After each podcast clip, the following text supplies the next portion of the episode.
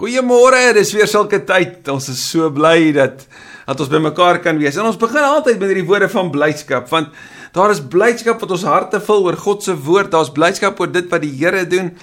En ons blydskap oor die voorreg om hierdie platforms te mag hê, nê, hierdie ruimtes te mag deel, om in die openbaar oor God se woord te kan praat en te kan weet dit bly nie net hier nie. Dit gaan die wêreld in. En reg oor die wêreld het gelowiges op hierdie wyse 'n band met mekaar. So so baie dankie dat jy inskakel, so baie dankie dat jy deel bly.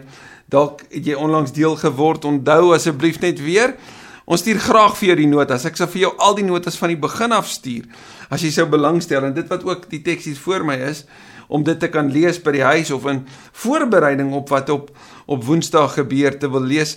Stuur net my e-pos na csmith@ksm.co.za en ek maak jou met groot graagte deel van ons weeklikse verspreidingslys is lekker om te weet daar's mense van reg oor die wêreld wat deelneem ook hierin en wat saam lees en en saam leer so wat ons ontdek wat God se woord vir ons sê. Verlede week het ons begin met Lukas 17. Nogal 'n paar moeilike uitsprake wat Jesus daar maak en wat ons na ernstig moet luister en as jy dit dalk gemis het onthou om weer net terug te gaan, dit sal daar wees. Maar maar die belangrike van verlede week was die waarskuwings. Pas op om nie 'n struikelblok vir iemand te wees nie. Pas op om met onvergifnis te leef. Pas op dat ek en jy dink dat wanneer ons iets doen vir die koninkryk, dat ons 'n reg het, 'n aanspraak het om op God se goedheid. Pas op dat jy nie dit wat God vir jou doen, dat dat jy nie dit vergeet nie. Dat jy terugdraai en aan hom die eer gee want hy's waardig. Verlede week het nogal baie sterk op 'n plek oor vergifnis gegaan. En en een van die dinge ek dink wat ons net vir mekaar dit ook moet sê, Een van die beste bewyse dat Christus opgestaan het, is juis die feit dat ons mekaar kan vergewe. Forgiveness is a great apologetic. Dis 'n wonderlike bewys dat Christus my vrygemaak het en dat ek daarom mense kan vrymaak, vryspreek, losmaak sodat hulle vry kan leef. Voordat ons verder gaan met Lukas 17, kom ons bid. Here, ons God, Here van hemel en aarde, Here wat lewe, wat fisies uit die dood opgestaan het, wat die dood oorwin het, wat ons vrygemaak het, wat ons lewens van die dood na die lewe toe gered het, wat ons totaal nuut gemaak het, wat ons in 'n metamorfose ingebring het om heeltemal anders te mag wees. Dankie dat U wat goed is, U wat waardig is, ook vandag die een is wat teenwoordig is by ons dat U by ons sit. Dankie dat U wat die outeur van die woord is, ook altyd teenwoordig is wanneer U woord gelees word. Ek bid sodat U vandag dit weer sal doen. O Gees van die lewende Here, kom praat lewende woorde in ons lewe vandag. Ons het die laaste paar weke soveel waarskuwings vanuit U woord gehoor. Soveel harde realiteite oor die hel, oor die realiteit van die hel, oor die die gevaar van om iemand anders te laat struikel oor die gevaar van onvergifnis. Here help ons wanneer ons verder lees dat ons weer sal waag om te sê spreek Here Here. U kinders is bymekaar op waterplekke ook al. En ons wil luister na wat U sê. In Jesus se naam. Amen. Amen. Lukas 17 ons lees van vers 20 die opskrif die koms van die koninkryk. Toe die Fariseërs vir Jesus vra wanneer die koninkryk van God dan kom, het hy hulle geantwoord: Die koms van die koninkryk van God kan nie uit voortekens bereken word nie. Nou die Fariseërs se verwagting van die Yom Yahweh, die die dag van God, die koms van die koninkryk was natuurlik en as jy dit nog nie weet nie, dan deel ek graag hierdie met jou, was natuurlik 'n politieke oorwinning oor die heerskappy van die Romeine. Die Fariseërs se verwagting was: wanneer is dit weer ons beurt om op die trone te sit? Wanneer gaan ons ons vyande, ons onderdrukkers sien verneder word, stof word voor ons, dat ons oor hulle kan heers? En vir dit het ons 'n Messias nodig. Die Messias wat sou kom en hy sal die Romeine kom omverwerp. Dit is hulle prentjie van 'n Messias. Daar's nêrens die prentjie gewees van die lydende Messias nie. Die een wat uitreik na ander, die een wat vergewe, die een wat met die verkeerde mense as dit ware meng nie. Die een wat ander intrek en hulle laat deel word. Die een wat sondaars en tollenaars intrek op so 'n wyse dat hy saam met hulle eet en saam met hulle leef. Die een wat 'n feesmaal hou en die en die armstes van die armes innooi en hulle die eregaste maak. Wat hulle wat die verste sit nader trek en die ereplekke aan tafel sou gee. Hierdie non-Messiah was glad nie 'n prentjie nie. Hulle dit vir Jesus vra wanneer dan is dit 'n 'n tydsaanduiding sodat hulle kan weet wanneer gaan hulle eers hierdie fariseërs wat so lief was vir geld, rykdom en beheer wil ook weet. Nou maar wanneer kom en wanneer kom die koninkryk en Jesus moet mos nou sê. Jesus sê dit kan nie met voortekens bereik word nie. Dit moet ek en jy hoor. Want ons het 'n geneigtheid om self te wil weet. Ons wil weet wat kom. Kom ons vat net COVID se realiteit. Ons wil weet is daar 'n 'n tweede golf wat kom? Hoe lyk die wêreld oor die jaar van nou af? Hoe kan ek myself voorberei vir oor 2 jaar van nou af? Waar posisioneer ek my besigheid of of my lewe? Watse besluite neem ek? Watse tipe beroepe beoefen ek? En en en en en ons wil so graag weet wat in die toekoms lê. En en wanneer dit kom by die koninkryk en die koms van die koninkryk, natuurlik ook dit. Ons wil weet, is hierdie as ons nou dink in terme van dispensasies, watter era is ons nou in? En en en is dit nou die tyd wat Jesus gaan kom? En ek wil ons gaan dit lees in boeke en ons gaan dit lees in artikels. En die hele Google sal vol wees daarvan. Nou, julle weet ons oom Google wat so so wys is en soveel idees het, nê. Nee.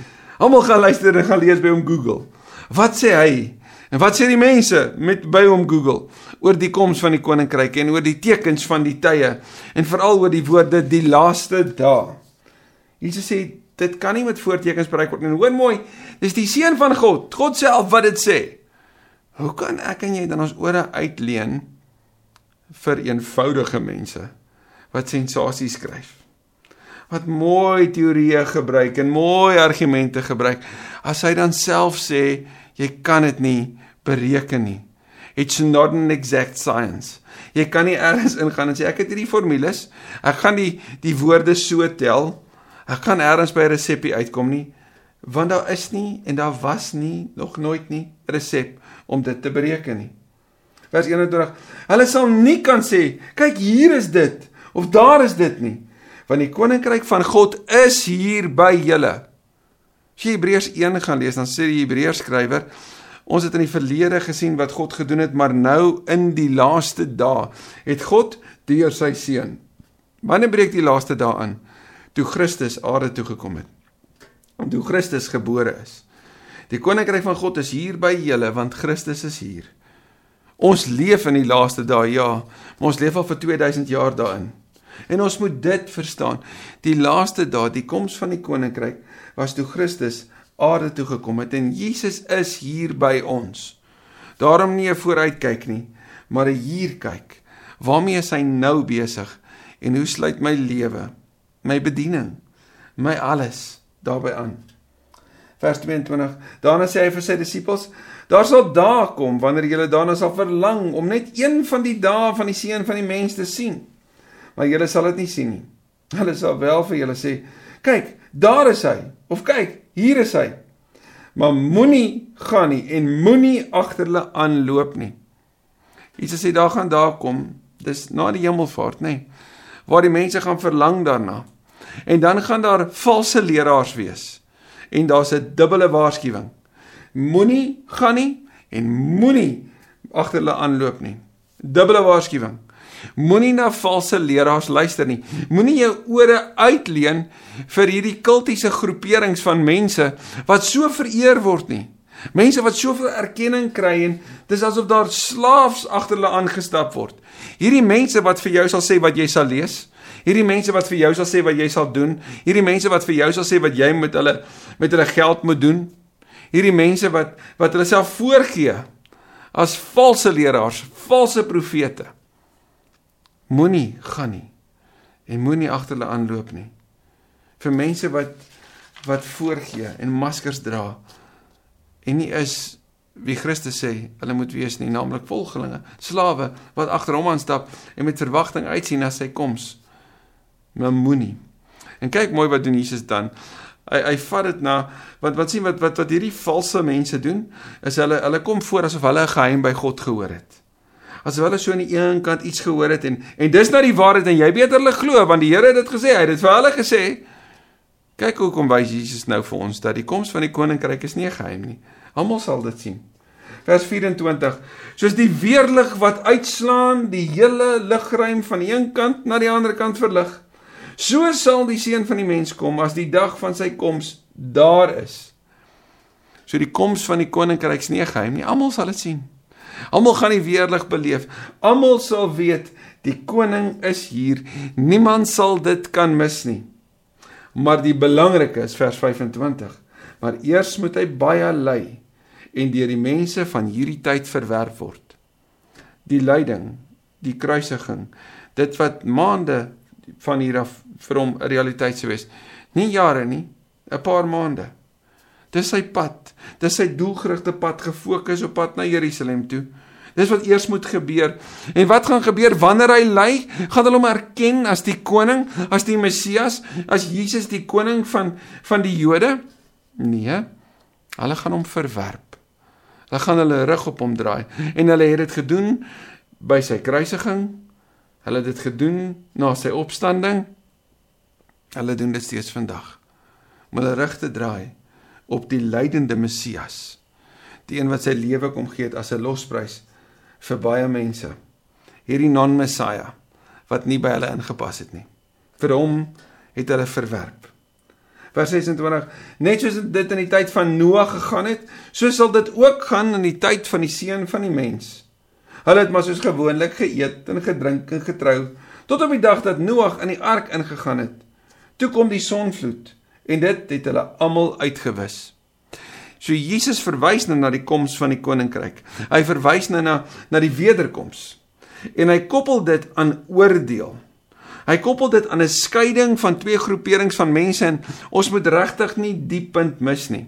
Jy gaan baie daarvan ook in Matteus 25 lees van die skape en die bokke wat geskei is en dan is die fokus op hulle wat reg gedoen het, ook aan die nood van mense, op die herstel van van die wanorde van die wêreld hulle wat uitgereik het na die weduwees en die wese en die wat honger is voor kos gegee het. En in hierdie geval kom Jesus en hy sê dat wanneer die koms van die koninkryk kom, gaan almal dit sien en daar sal 'n daar sal 'n verwydering wees van die gelowiges soos Noag en sy gesin wat getrou aan God was, vir wie die ander uitgelag het, vir wie die ander gedink het, hoorie maar waarmee is julle besig? Die wêreld is veilig en lekker en gemaklik en kom ons leef en eet en ons doen net wat ons wil. Onthou daai verhaal in Genesis 6, so amper asof dit die, die hoogtepunt van die sondeval was. Noag het getrou agter God aange gegaan, hy het God vertrou, hy het, hy het in God geglo en hy het gedoen wat die Here van hom gevra het. Nie omdat hy iets daarop op aanspraak kon maak nie, soos die slaaf wat ons van gelees het in die vorige gedeelte van Lukas 17. Dis ons hier, Jesus sê van van hierdie sonvloed wat kom. En die sonvloed het hulle wat agtergebly het uitgewis. Noag en sy gesin is in die ark en die ark is as dit ware deur hierdie watermassa weggeneem. Hulle wat agtergebly het is uitgewis. Daar het van hulle niks oorgebly nie. In die tyd van Lot het dit ook net so gegaan. Hulle het maar soos gewoonlik geëet en gedrink, gekoop en verkoop, geplant en gebou. Maar op die dag toe Lot Sodom verlaat het, het vuur en swaal uit die hemel gereën en dit het almal uitgewis. Onthou jy Sodom en Gomorra? Sodom wat die woord sodomiseer kom daarvandaan wat waar daar verskriklike seksuele praktyke en dade plaasgevind het walglike goed wat gebeur het. Mense wat net gedoen het wat hulle luste hulle heen geneem het, hulle wat hulle self uitspattig geleef het en en oorgegee het aan net dit waarvoor wat hulle begeer het en, en wat hulle wou hê, wat hulle vergryp het. En verskriklike wrede dinge gedoen het aan aan mense en aan mekaar en met mekaar. God het vir Lot gesê: "Loop, trek, kom uit." Hy het hom uitgeneem. En Lot sy gesin, Lot en sy vrou het die voorreg gehad om redding te kan beleef, om gered te word uit hierdie verskriklike wêreld. En wat gebeur met hulle wat agtergebly het? Swaal en reën het op hulle geval. Soos haal wat gereën het en en alles verwoes het. En niks oorgelos het nie. Die wreedheid en die felheid van die oordeel is 'n direkte resultaat van die wreedheid van die dade wat gepleeg is Dis soos om te sê daar's twee gebede. Thy will be done or my will be done. En God beantwoord beide. As jy sê my will be done, gaan jy presies kry wat vir jou wag. As jy sê thy will be done, gaan jy presies kry wat hy beloof het want die Here gaan niemand dwing om by hom te wees nie. Maar as jy nie by hom is nie, is die realiteit van die oordeel 'n gegewe.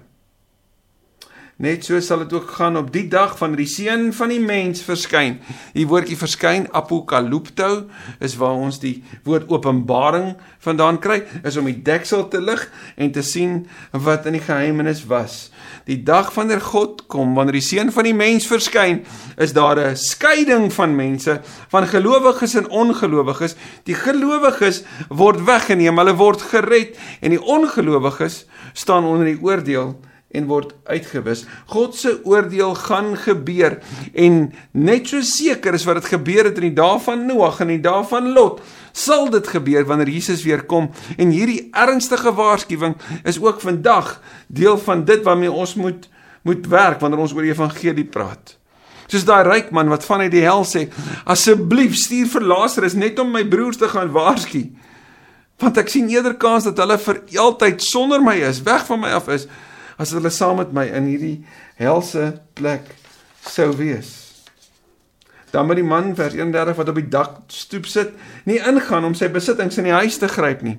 As die oordeel kom, een, jy kan nie met jou venterwandjie hemel toe gaan nie en twee, as jy op die dakstoep staan en jy met die buitetrappe afgehard op daai dakstoep waar jy in die verte kon kyk, waar jy ontspan het, waar jy jou jou plante om jou gehad en heerlik geleef het. Wanneer jy daar in die verte sien, hier kom die oordeelsdag, jy sien die die wederkoms, dan het jy nie tyd om in te gaan en te gaan gryp nie om die besittings, die weelderigheid van hierdie wêreld saam met jou te neem nie. Net so, moet ook die man wat op die land is, nie omdraai en huis toe gaan nie. Onthou wat met die vrou van Lot gebeur het. Lot se vrou was op pad na redding toe. Lot se vrou was uitgeneem, maar Lot se vrou het nie onverdeeld verlaat nie. God het gesê, kyk voor, moenie omdraai nie. Wanneer Christus ons roep, is daar nie 'n plek van omdraai nie. Is nie 'n plek van omkeer nie. Soos daai man wat begin bou het en nie die koste bereken het nie. Want dan gaan ander vir jou kyk en vra waarmee is jy besig? Daar's nie 'n plek om oorlog te gaan maak met met soldate wat nie sterk genoeg is nie. Jy moet die koste bereken. As Christus sê volg my, dan volg jy hom volledig na redding toe, na lewe toe. Want wat agterbly is dood en verwoesting. So Lot se vrou was was op pad na redding toe. Sy was as dit ware amper gered. En toe kies sy om terug te kyk. Toe kies sy om om dit wat agter haar was om daarna te hinker en daaroor te wonder. Jesus sê onthou daai waarskuwing. Want so so hard as wat hierdie woord is, so belangrik is dit om dit te onthou as jy agter hom aanstap. Vers 33: Elkeen wat sy lewe behou, sal dit verloor. Maar elkeen wat dit verloor, sal dit behou.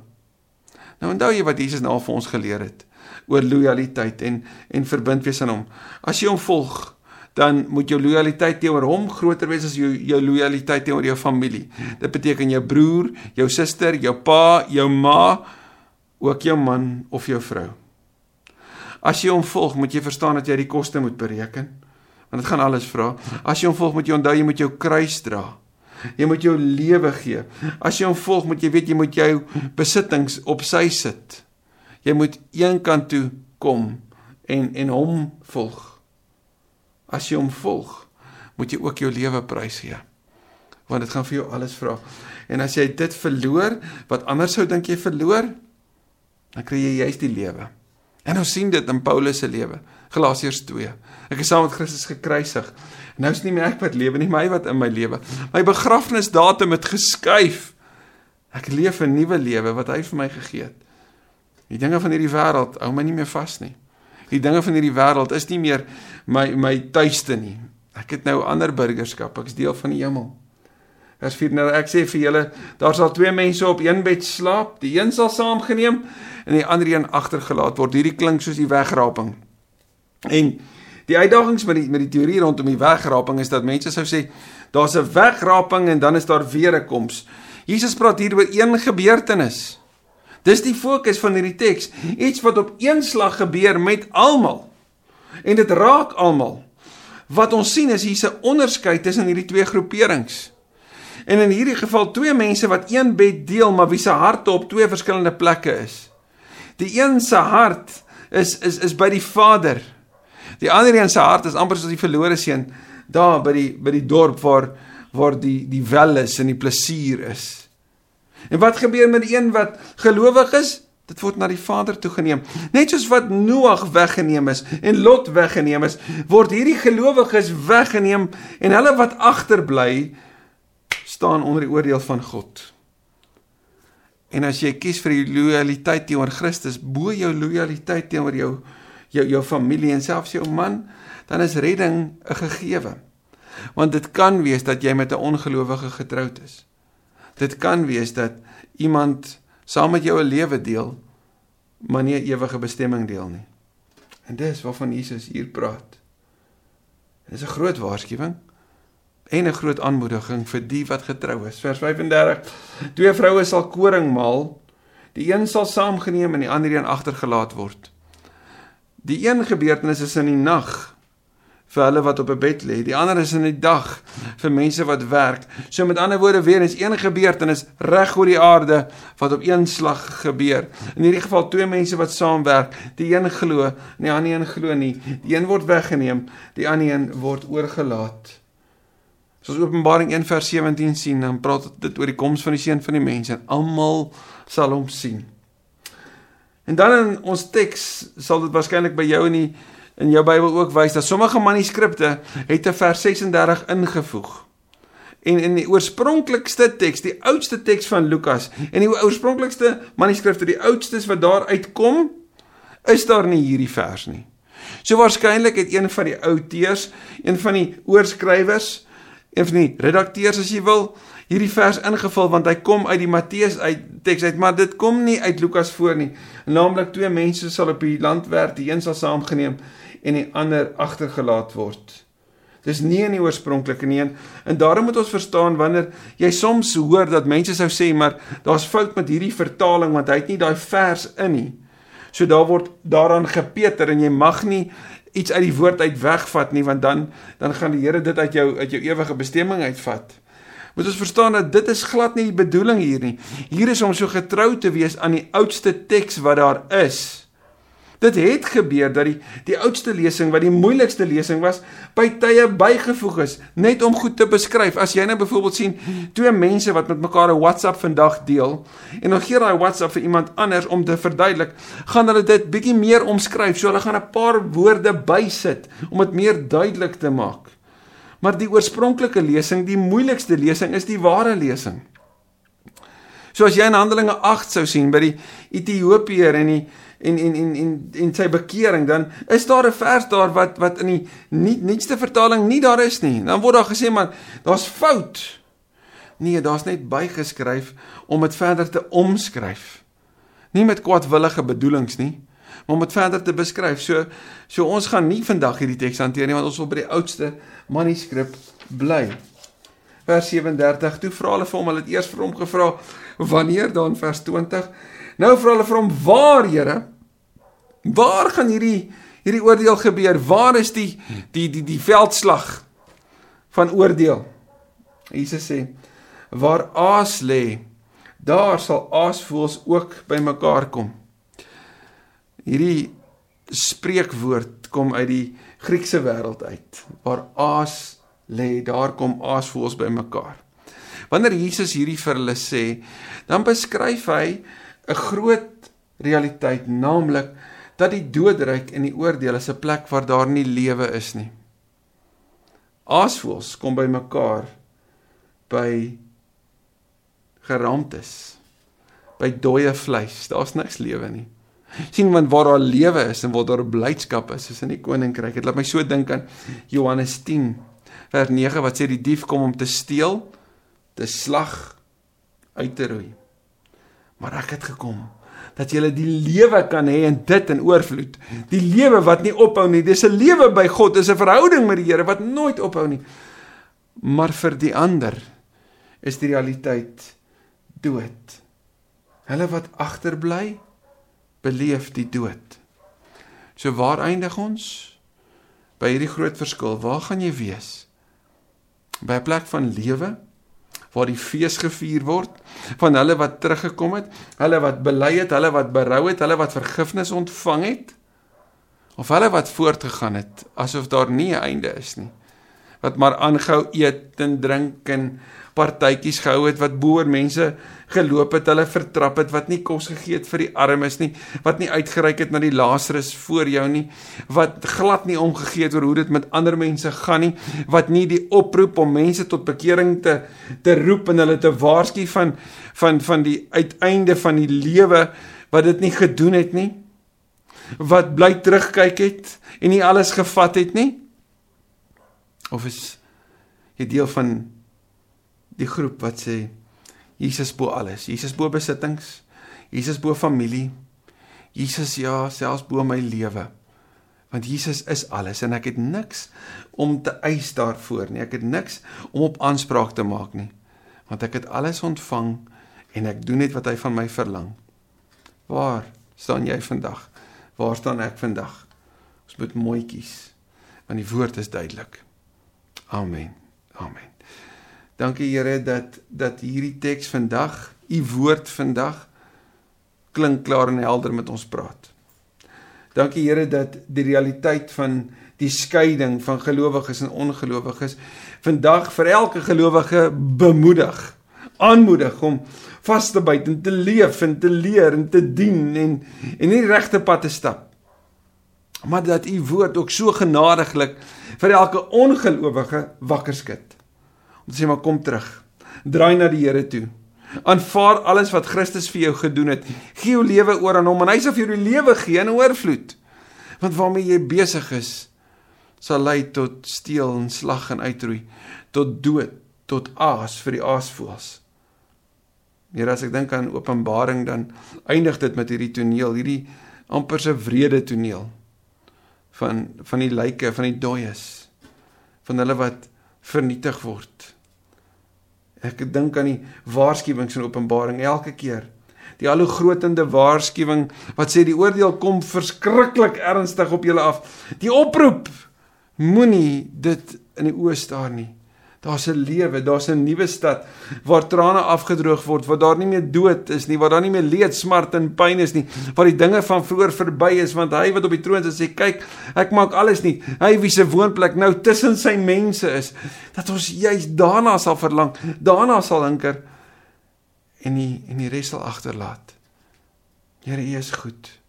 Dankie vir die genade van die woord ook vandag in my lewe. Amen. Amen. As jy gebed nodig het, asseblief stuur jou e-pos na gebed@ksm.co.za en ons en 'n groep mense wil graag saam met jou bid, 'n groep voorbidders wil graag ook jou gebed vandag saam na die Here toe opdra. Mooi dag.